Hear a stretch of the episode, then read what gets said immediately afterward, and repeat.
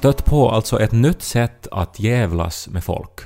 Mhm. Alltså riktigt så här att det tar på något vis den här konsten att, att jävlas till någon sorts renässansnivå. Har du uppfunnit en ny sorts eh, e-post-spam? Eh, Okej, nu, nu är du inne på känsliga ämnen här. För att det är ju faktiskt kanske det som jag irriteras mest av just nu. Mm. För tydligen har min e-postadress hamnat någonstans. Så att jag får en massa märkliga tyska erbjudanden på sån här luftkonditioneringsapparatur. Mm. Och, och jag får inte stopp på det här. Fast hur jag än försöker ställa in mitt spamfilter. Nej. Nåja, men det här är ändå, det här är mera nästan eh, störande än så. För att det här har också kostat så otroligt mycket pengar för den här människan. Som då gör det här. Alltså ett, ett, ett sätt så att du kan få andra människor att måste betala. Ja, eller alltså att någon har faktiskt ansträngt sig och lagt ner mycket pengar för att få andra människor att bli sura. Okej. Mm. Nå, alltså det är så att jag och Nico är ju väldigt intresserade av, av inredning och sånt. Mm. Och det har inget att göra med vår sexualitet, det är en slump. Mm. Och eh, vi har ju också en, en ny lägenhet sedan ett par år tillbaks, så de senaste åren har vi liksom levt mycket med inredningsdrömmar och förhoppningar. Jag vill bara inflika en parentes här att det kan också tolkas som att ni knullar möbler. Men det gör ni ju inte, utan du syftar på att ni lever i en homosexuell relation. Visst. Eh, Nu förstår jag inte, vad, det var jag sa som fick dig att tro att vi skulle på något vis Nej, men när du, ofreda... när du sa att du, du är intresserad av inredning och det har ingenting med er sexualitet att göra, så då kan det också tolkas som att, det, att ni har liksom en, en eh, sexuell dragning till möbler. Det finns parafilier där intresset riktar sig mot alltså objekt i ens omgivning. Ja. Till exempel hyllor, eh, Ja. soffor och så vidare. Men finns det också sexuell dragning till... Alltså för jag såg en dokumentär om en man som hade sex med avgasrör, bland annat. Och så finns det ju också... Skulle de liksom vara igång så att det som samtidigt skulle spruta varm avgas då emot som ett sorts tryck? Jag vet inte, men jag, jag hoppas inte. Men, men det fanns ju också en kvinna som upplevde att hon eh, var förälskad i Berlinmuren. Det finns ju sådana där, alltså fall. Eh, så därför tänker jag att inte det är väl liksom helt omöjligt att någon kan tänkas ha då en sexuell dragningskraft till någon schäslong. Ja, nej, jag tror att det är helt möjligt och jag tycker Mm. att var och en med sitt. Jag menar, om någon är förälskad i Berlinmuren så vad underbart att de har hittat sin kärlek. Det, Mm. Ja. det säger jag, och det är inte en ironisk kommentar ens. Nej. Jag tycker att det är fantastiskt. Så är det. Fri kärlek till objekt. Ja, no, men vem skadar det? Ja. Ja. Men i alla fall, nu är det någon då som... Ba- eh, Bara ännu en parentes på det här, när du undrar vem skadar det. Hur skulle du förhålla dig till det om någon skulle aktivt ha sex med dina böcker? alltså, hur skulle det kännas? Med just mina böcker? Ja, alltså med, med Kai Eriks Onda bögen så skulle liksom människor... Nå, alltså man kan inte säga det liksom på något så här vackert sätt. Men eh, alltså att man, att man skulle idka älskog med, med en binden bok som det står ditt namn på. Eh, Det är så många saker här nu som jag tänker på. Jag måste bara Förlåt, skjuta in menar en... bunden bok. Min muffa var ju bokbindare som Ja. gjorde sådana här kvalitetsinbindningar av böcker. Ja, låter ju också som att han hade ett så här BDSM-intresse för litteratur. Nej, han, den ädla konsten att binda böcker Ja, var ju... Var så ju att de inte ska smita. Han hann dem i källaren. Han hade dem i källaren och mina barndomsminnen består väldigt mycket av att man går ner för spiraltrappan i, i Muffas bokbinderi Mm. och där finns en sån här apparat som låter... Ja. Han, som vi kallar till kuffamaskin. Okej. Mm. Ja. Vad gjorde kuffamaskinen? Den tryckte bankgiron eh, till olika banker i Pedersörenhejden. Också när det kom ut ett bankgiro hördes det också åh inifrån maskinen. Det var en otroligt eh, effektiv och väldigt osexuell miljö, det här givetvis. För dig, måste man poängtera. Men! eh, Vad var det du frågade innan som gjorde att Nej, jag... bara så det skulle kännas som om någon skulle knulla dina böcker. Ja, nej men alltså jag tycker bara de nu då liksom köper egna exemplar och inte använder bibliotekets böcker så är det väl okej. Nej men för du är ju sådär alltså att du skriker ju om man viker ett hundöra i en bok. Så, så Ja, i mina pe- personliga som jag äger själv böcker, för att jag tycker att böcker är fina ägodelar Ja. som jag har ett nära förhållande till. Så så länge man har köpt sin eget exemplar av dina böcker så är det fritt fram att ha hur vårdslöst sex som helst med dem. Det blir ju äh, märkligt nog om det just är mina böcker, att det är inte böcker överlag man går igång på, utan att det är av en viss författare. Ja. Så då har det ju någonting att göra med mig som person också, får jag ju anta. Ja. Och alltså, Så då finns det en risk att du skulle ta skada? nej, att jag... Alltså, jag menar bara att, att det man gör i sin kammare så är, är upp till var och en och liksom det, det, det stör ju ingen. Nå, skulle det vara mer okej då om det skulle vara dina böcker som de har sex med, men att det är sådär väldigt försiktigt och, och väldigt sådär att man är väldigt noga med att boken har det skönt och att det liksom man viker bladen försiktigt och sådär. Att det, det är liksom det är kört och sensuellt. Alltså så att man lite som, vet du, skulle småpussa Ja, så här. alltså skulle det vara... Skulle det, smeka och... ja, skulle du liksom hellre det än då liksom nå sådär uh, hård perm sex? Nej, liksom. jag tycker så länge det handlar om att man tycker om böcker så, så är jag fine. Och jag vet inte riktigt som nu, om du liksom vill få fram att jag själv har något sorts eh, perverst förhållande till böcker eller så här. Nej, det har jag aldrig antytt, men det är ju hemskt intressant att du tog upp det. Jag har bara antytt att ni har sex med möbler. Nej, vi, det har jag bara gjort en gång. men vi gillar möbler så pass mycket att, alltså att det, är så, det är ju en hårfin gräns, du, när blir det här till, till, till något patologiskt, vet du. Alltså, Ja. och eh, nu har vi ju då haft ett speciellt intresse för vintagemöbler, för att eh, Mm. det är nu den stilen vi tycker om. Och Så- också sådana möbler som många människor har liksom... Boom chicka wow wow. Ja, no, men de har en historia. Vi tycker Ja, att exakt. patina, Sexuell historia. Fläckar. fint. Är det det du menar med patina? fläckar kan visa ju att det har varit med. Att det har levts, det har varit liv och rörelse. Ja, men och dessutom så håller ofta den här designen från 50-60-talet De ganska... måste ju göra det med tanke på den action det har varit på dem. Är det så här att vara småbarnsförälder liksom? Att det, man, man liksom är så sexuellt frustrerad och uttorkad att man, att man börjar som ta ut fantasier på andra. Men du tycker inte det är något problem med det här att ni också då köper?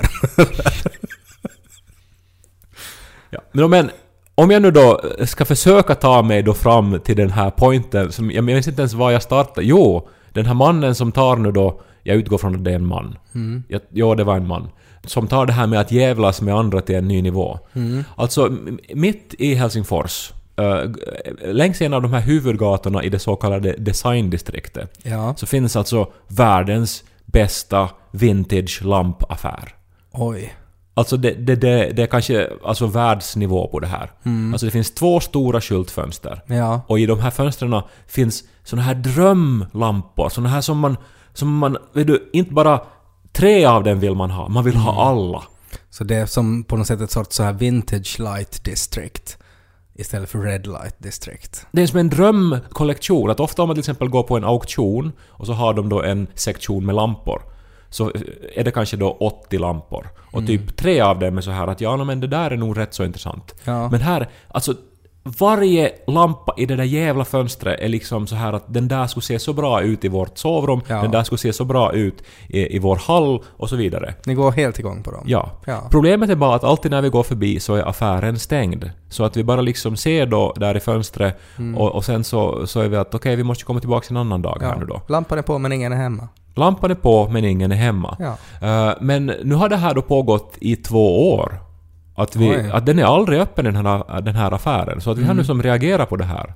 Är det någon sån här uh, VIP-lampaffär då? Att man måste få inbjudan dit? Ja, eller Man så är måste den... känna någon som känner någon? No, alltså, det har varit ett mysterium på alla sätt och vis. Nu har det tänts en lampa. Nå, nu har vi googlat lite då. Och Okej. det visar sig att det är många andra då som såna här lamp eh, intresserade, Fetischister. Intresserade som har reagerat på den här fantastiska affären. Ja. Och sen har det diskuterats där då, och det är ju någon då nog som har tagit reda på vem som eh, äger den här affären och hört av sig. Och det visar sig att det är ingen affär alltså. Det här är en man som har en lampsamling som han har hyrt en affärslokal i centrala Helsingfors bara för att ha samlingen det- i. Det är liksom ett garage med fönster. Ja, med alla lamporna tända. Och eh, liksom... Alltså han, han, han har alltså till full display, det här har jag. Ni kommer aldrig att få det för jag säljer Ingenting inte. är till salu. Ja. Det är bara där för att visa folk, titta, look at my shit liksom. Det är som det det är. Det skulle kunna heta det den här affären. Alltså också att gå, om man tänker sådär att det är ju, det är ju inte en, en, en sån här billig hyra om man tänker så, så att ha liksom mitt i Helsingfors en butik. Nej, precis, alltså det måste ju handla om tusentals euro i hyra varje Mm. månad för den här ganska stora lokalen i centrum. Men jag tycker det som det mest tyder på här är ju liksom att vad HNs sexuella perversioner egentligen styr en. Om man tänker att han sätter liksom tusen euro i månaden då på hyra bara för att han på något sätt har... Han är ju som en lampblottare. Det är ju det han är, att han har ju ett, ett sjukligt perverst behov av att visa upp. Har de så här små rockar också, alla de här lamporna? Framförallt verkar han ju gå igång på att människor sitter och tittar på hans lampor Ja. och inte får dem. alltså att han är så här att han har ett harem med de allra vackraste, vackraste kerubliknande liksom äh, vackra skapelser. Så alltid när och Nico går förbi där och stannar och tittar och säger oj det där är nog en fin lampa, så hör ni svagt inifrån oh! För att han går igång på det då, att ni vill ha den där lampan. Just när vi går förbi alltid så Nå, vem kommer som han, tänker du. helst. Ja men att han står där helt enkelt, bakom ett skynke och väntar att någon ska komma dit och åtrå hans lampor. Det ger som en helt ny innebörd åt uh, begreppet Red Light District det här också, Men. Kai, det, det här skämtet sa jag ju redan. Och jag tänkte säga åt dig då, nu lyssnar du inte vad jag sa. Jag sa ju att är det här ett Vintage Light District istället för ett Red Light District? Jag hörde Vintage fortsatte. Light District har jag hört. Ja men det sa jag ju nu också. Vintage Light District. Det var två gånger missade du det. Ja, men jag tror ingen som lyssnar på podden uh, hörde det heller. När du mumlar så.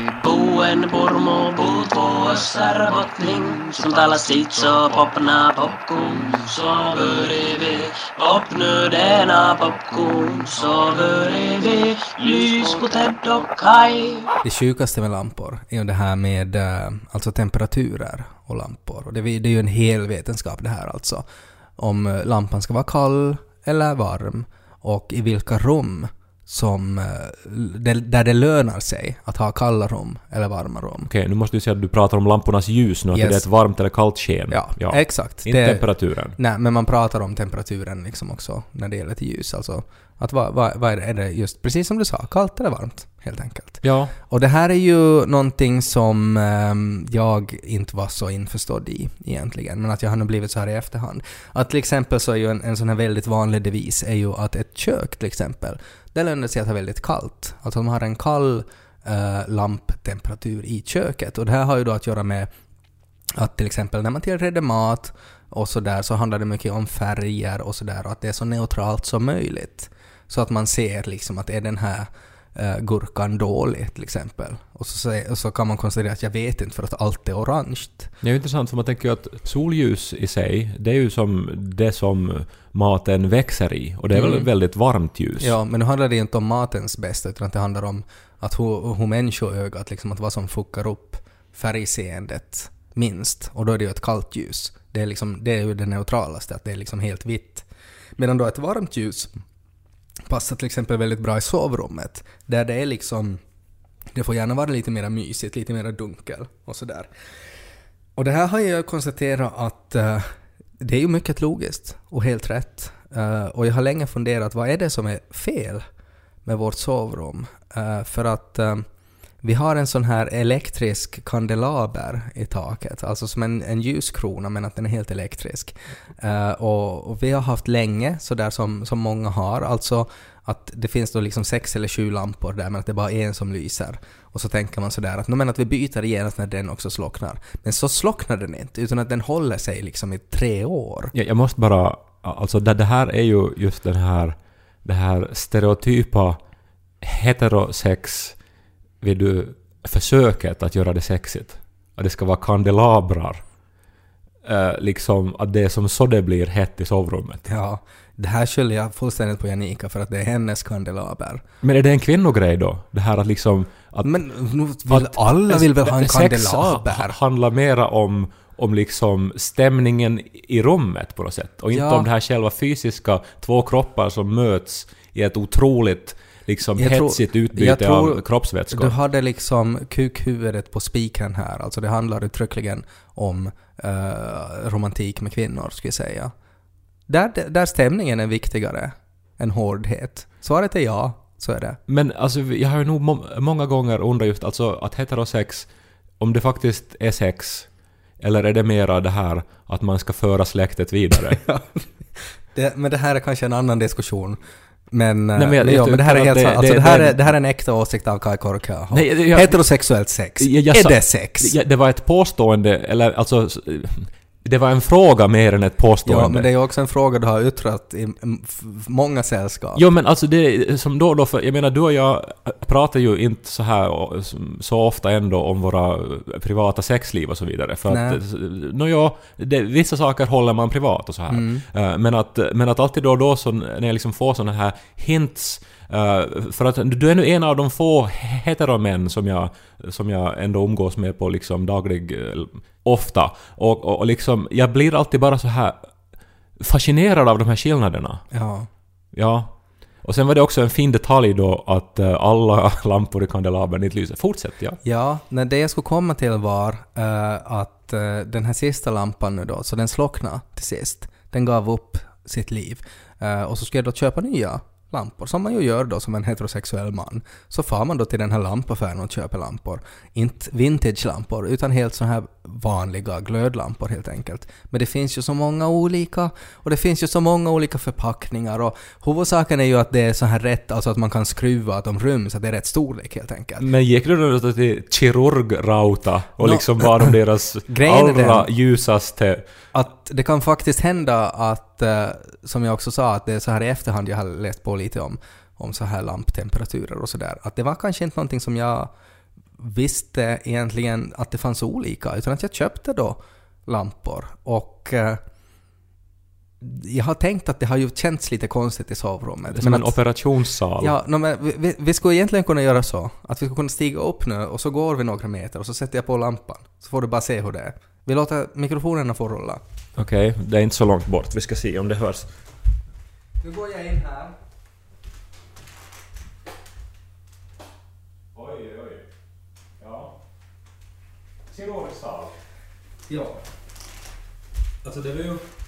Alltså det, det, det, det som alltså jag visade åt Kai var här, att jag satt på lampan helt enkelt och det blev otroligt, otroligt vitt. Alltså kliniskt vitt. Sådär att du ser exakt vart du ska sätta nålen för att pricka blodådran. Och det är inte det mest så här sexiga. Jag tänkte genast på den här låten av Alice Cooper, den här Cold Ethel, där han alltså ligger med lik in the refrigerator light Yes. i ett bårhus. Så är det. Vi har också problem med eh, tätningen i fönstret, så det är också kallt som i ett bårhus. Har ni också liksom kring stortån har ni såna här lappar där det, där Japp. det står nummer? Men det är bara eh, sexuellt. Till saken hör av en slump så har vi också alltså våra tecken just nu är alltså så det mörkgröna. som är alltså då... ja, Jag menar orsaken varför kirurgerna har mörkgröna är ju för att man ska liksom se blod eh, så här bra på det och sådär. Och sen också är du ju alltså känd för att... Uh, no, ditt DNA är ju, är ju 100% liksom uh, vitt alltså. Jag är väldigt blek, ja. Ja, du är som, som, en, som en liter mjölk brukar folk säga när de ser dig. Att Brukar oj, folk tog, säga så. att, tog du med dig en liter mjölk? Sen är det här Ted. Om Loe är i sovrummet och jag sätter på lampan så börjar han gråta och säger att det svider i ögonen. Ja, men du ska fara, alltså du måste ju fara nu till en sån här vintage lampaffär. Ungefär som den här eh, som jag pratade om, men som faktiskt då är en affär. Jaha. För de imp- importerar ju ofta också eh, alternativa glödlampor. Så man får något så här brandfarligt eh, från 50-talet. nej men såna som liksom ger, vet du, allt möjligt ljus. Ja, no, men det, jag borde ju ha något sånt. Alltså det borde vara lite mer mänskligt ljus och inte liksom robotborrhus. Ja. Nå, jag skulle ju rekommendera att du far till den här sexaffären där i kampen och så skaffar du en sån här lite stroboskopaktig grej och så installerar ni ett bra ljudsystem och eh, det här techno och sen liksom har ni sex på riktigt för första gången. Kai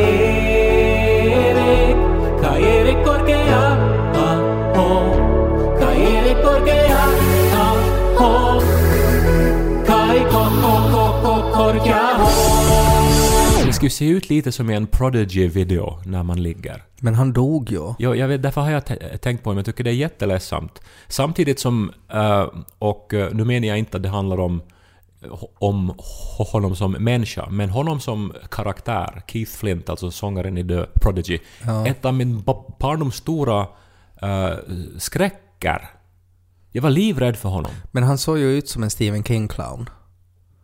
Det var någonting med hans blick som var så här att han var, han var så här galen och han var också farlig. Alltså, Sen sjunger han ju också att, att han är en pyroman. Om och om igen. I am a firestarter. A twisted firestarter. Också som att det skulle finnas liksom...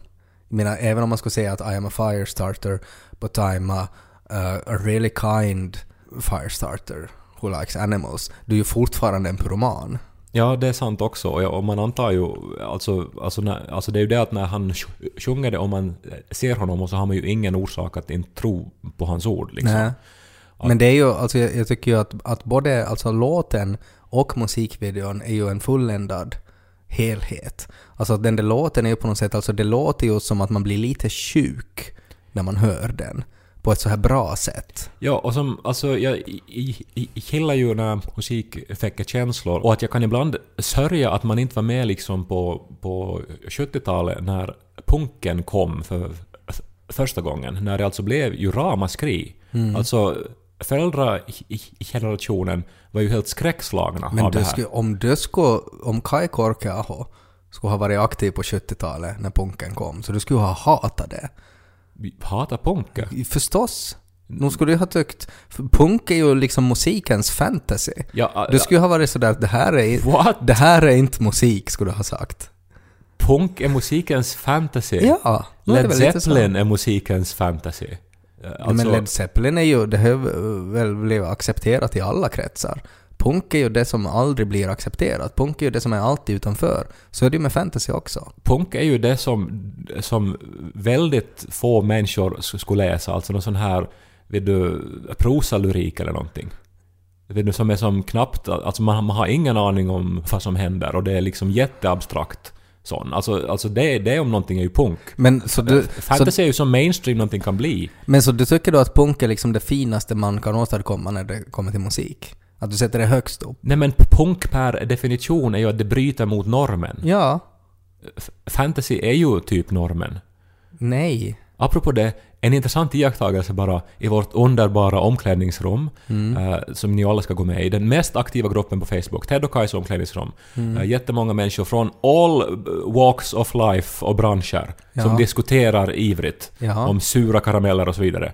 Men nu är det någon som har bett eh, om boktips och de riktar sig specifikt till dig. Och det som är intressant är ju att den här podden består ju av en författare och litteraturvetare och Ted Forsström. Mm. Och så riktar man sig då inte till författaren och litteraturvetaren utan till Ted Forsström för boktips. Nej, men det är ju så. Alltså att om du skulle vara en eh, otroligt välutbildad bilmekaniker men du har aldrig varit inne i en husbil och så är det ändå en person som inte är bilmekaniker men som kör husbil varje dag.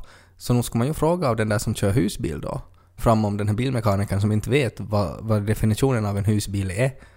Nå- Det handlar ju om att det var en människa som ville ha fantasy-tips. Om det Du handlar ju om motorn så inte frågar man nu av den här som kör husbil, vad vet han Ja, om, eller hon, Du kan om... ju inte ha blivit kränkt av det att en, en människa undrar nu har jag läst den här fantasyserien Ted, vad skulle du rekommendera för fantasyserie jag skulle läsa nu? Då kan du ju inte fara dit och rekommendera Marcel Proust. Nej, det var men ju inte det som var liksom... Om pro- vi nu är liksom, låt oss säga att vi är vid gaten och vi ska flyga till Rhodos. Ja. Och så finns det en pilot och en elmontör. Nej, Och sen får man eh, liksom nej. välja vem som ska flyga en till Rhodos. Analogi. Det finns en pilot som har gått utbildningen men har aldrig flugit till Rhodos.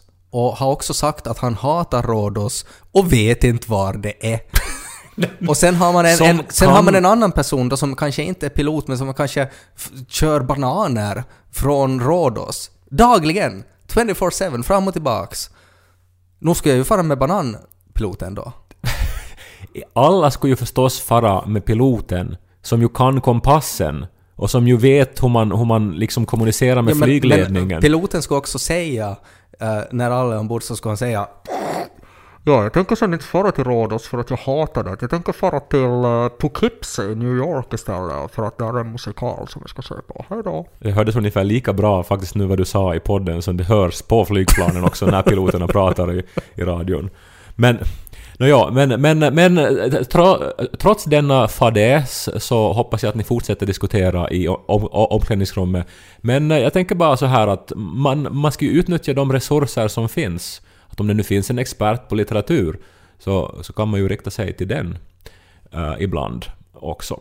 Vad var det du skulle säga om Prodigy då? Jag skulle säga att när jag var barn så mina två största skräckar var ju alltså Morran och den här alltså sångaren i... Jag börjar stamma när jag säger han, han, hans namn för jag är så rädd. Sångaren i The Prodigy. Eh, och, och liksom att det satte som djupa spår. Men vad var det som var så skrämmande då? Alltså jag var ju inne på det här att jag tycker på riktigt att, att musiken är liksom så speciell. Alltså också för att det är ju, det är ju liksom det är så mycket i den som inte ens är riktigt musik utan att det är mera ljud och att de här ljuden är nästan sådär hypnotiska. Alltså att man känner sig lite sjuk när man hör det. Och det i kombination med den här musikvideon som är ju väldigt, väldigt speciell. Ja, men det är ju genialiskt det där. Att Ja, just, det är det. Och, och, och det är på något sätt liksom... det låter farligt än idag. Ja, det är det. Liksom det är 20 år sedan. Ja.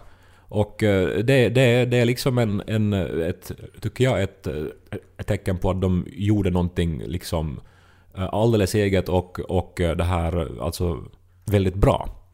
Men, men nu är han borta. eh, Och eh, det är ju hemskt då att få liksom eh, den insikten då att, att en hel del säkert av det här som känns farligt och som känns hemskt så var liksom ett uttryck för ett mörkt inre, kan man ju anta nu. Antagligen. Eftersom han ju då alltså enligt de medierna nu då begick självmord, alltså säkert har haft destruktiva tankar en längre tid. Mm. Så att vi saknar honom och jag liksom eh, alltså eh, lyssnade för första gången på länge på den här eh, underbara skivan Fats of the Land som Prodigy, Prodigy gav ut 1997 och den är fortfarande helt otroligt bra. Men det är ju hemskt vad liksom eh, konsten kräver av, av vissa. Känner du till den här otroligt uh, fina, alltså tyska reklamen som använde sig av den här Firestarter-låten? Mm. Det var då alltså för, för ganska länge sedan så var, var det, jag, jag vet inte om det är en reklam eller det är från någon sån här tysk sketchserie, men det är i alla fall det är en, en mamma som ska eh, lägga sin dotter och så läser hon då en saga och så frågar dottern sist att, att kan du sjunga någonting åt mig? Eh, vi kan lyssna lite på det här. Singst du mir noch ein guten Nachtlied, Mama? Na gut, aber dann wird wirklich geschlafen. Komm, leg dich hin.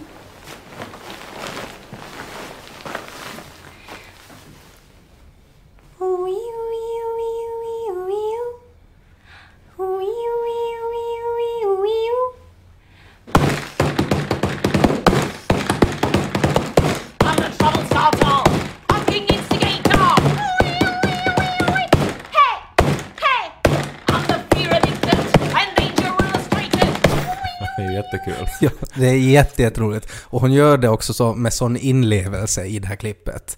Uh, och uh, det här är ju tips för läggningsdags ikväll tror jag. För Ja. mig.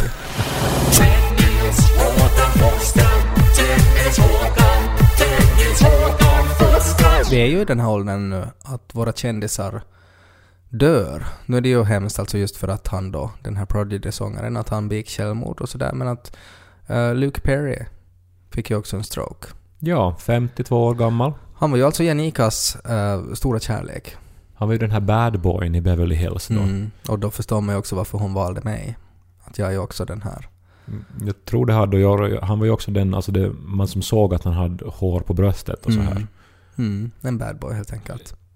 Men att det säger ju någonting om oss, tycker jag, om vår generation. Alltså nu kanske de mest din och min generation. Alltså att, att de här människorna som var liksom jättehäftiga då när vi var unga och mottagliga, att de är nu i den här åldern, att de är ju liksom gamla.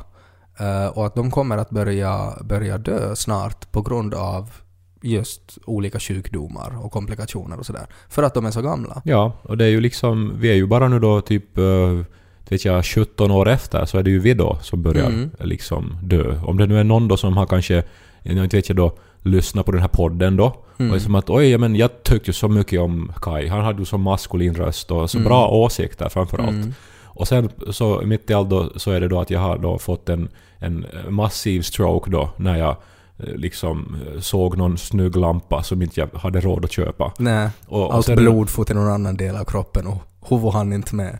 Och så minns de då liksom att då när jag var ung och så lyssnade jag på Kai och, Ja. och att ja, och så här går, går världen vidare. Jag upplevde det väldigt starkt alltså när jag såg eh, no, alltså, mitt förhållande till Harrison Ford till exempel är ju att alltid när jag ser honom på TV eller ser honom i någon intervju eller någonting så är jag så åh, oj oj oj, var försiktig nu. För att jag är sådär att, att du kommer att halka och bryta eh, lårbenshalsen eller något. Att man blir så här en känsla av att ta nu hand om dig. Alltså att du, du börjar nu vara i sånt skick nu. Ja. Samma med George R. R. Martin också. Att han är ju inte, okej han är inte så supergammal men att han lever ju så ohälsosamt. Och, och det är kanske väl mer det där att sen när folk börjar höra av sig till oss och börjar liksom skriva till dig att Kaj att kanske du borde trappa ner på de här sura karamellerna. För att tänk på att liksom din, din kropp klarar inte av all den här belastningen. Det är då vi måste börja liksom akta oss tror jag. Men ska jag säga vad som hjälper mot det där? Du ska få titta på bilder av Clint Eastwood emellan. För att då ser man att okej, han är nog betydligt mycket äldre än Harrison Ford. För alltså han ser ju ut som, som en mumie redan Ja. nu. Och han arbetar ju aktivt ännu. Ja. Och så var det ju för, eh, när, när han det här fick Oscar för Million Dollar Baby, vilket är nog några år sedan nu. Mm. Men då tackade han ju sin mamma som satt i publiken. Och så exakt likadan ut som han. Ja, alltså, alltså det, det, här, det här är ju som... Men Clint Eastwood han är inte, han är inte liksom...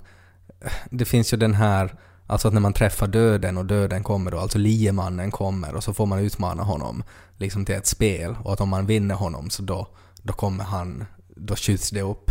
Jag tror ju att Clint Eastwood har, har nog alltså träffat liemannen många gånger men att han har bara liksom fucked his shit up så att liemannen har varit sådär att okej, kommer om fem år igen då och ser om jag klarar av det då. Men f- framförallt är det ju det här liksom att man... eh, Och det tror jag ju att hå- håller en vid liv. Om man får vara liksom frisk, att man mår bra psykiskt och man mår... Alltså ens kropp håller ihop. Så, så tror jag att kroppen och allting får liksom energi av att man upplever att man har saker man måste göra.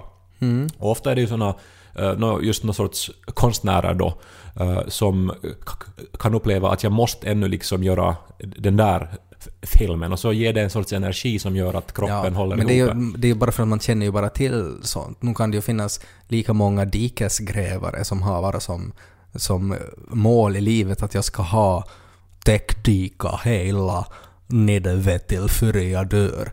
Eh, och så, Ja. så håller det faktiskt. Eller så. någon mommo som är så här att det måste finnas sockorna för liksom eh, tre generationer framåt för 70 vintrar per, per generation. Ja. Jag tror alltså den här kraften av, av på något sätt, alltså en, ens psyke, hur man själv, liksom när man själv på något sätt bestämmer att okej, nu kan jag dö. Och så är det oftast, alltså, oftast är det ju sådär med riktigt, riktigt gamla par. När den här ena dör, så dör den andra ganska snabbt efteråt. Och det är på något sätt sådär som att okej, nu ger man upp eller nu orkar man inte mer. Det tycker jag är ett sånt här bevis på att man kan faktiskt uthärda. Och kanske det där just med att sticka, att, att är, är liksom med åldringar i allmänhet sådär att man borde liksom hela tiden hitta på att nu har det kommit ett nytt barnbarnsbarn. Oj, oj, oj, det är nog så fruset det här barnet. Ja, vi har inga kläder. Inga kläder alls.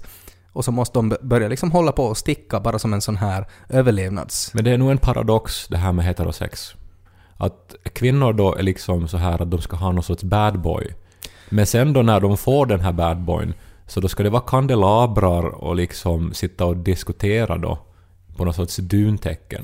Ja, men det måste väl komma från att den här bad boyn då, alltså den här ursprungliga bad boyn på järnåldern, så var ju, alltså då var det ju väldigt bra att vara en bad boy för att alla var ju bad boys då och det var bara de bästa bad boys som överlevde.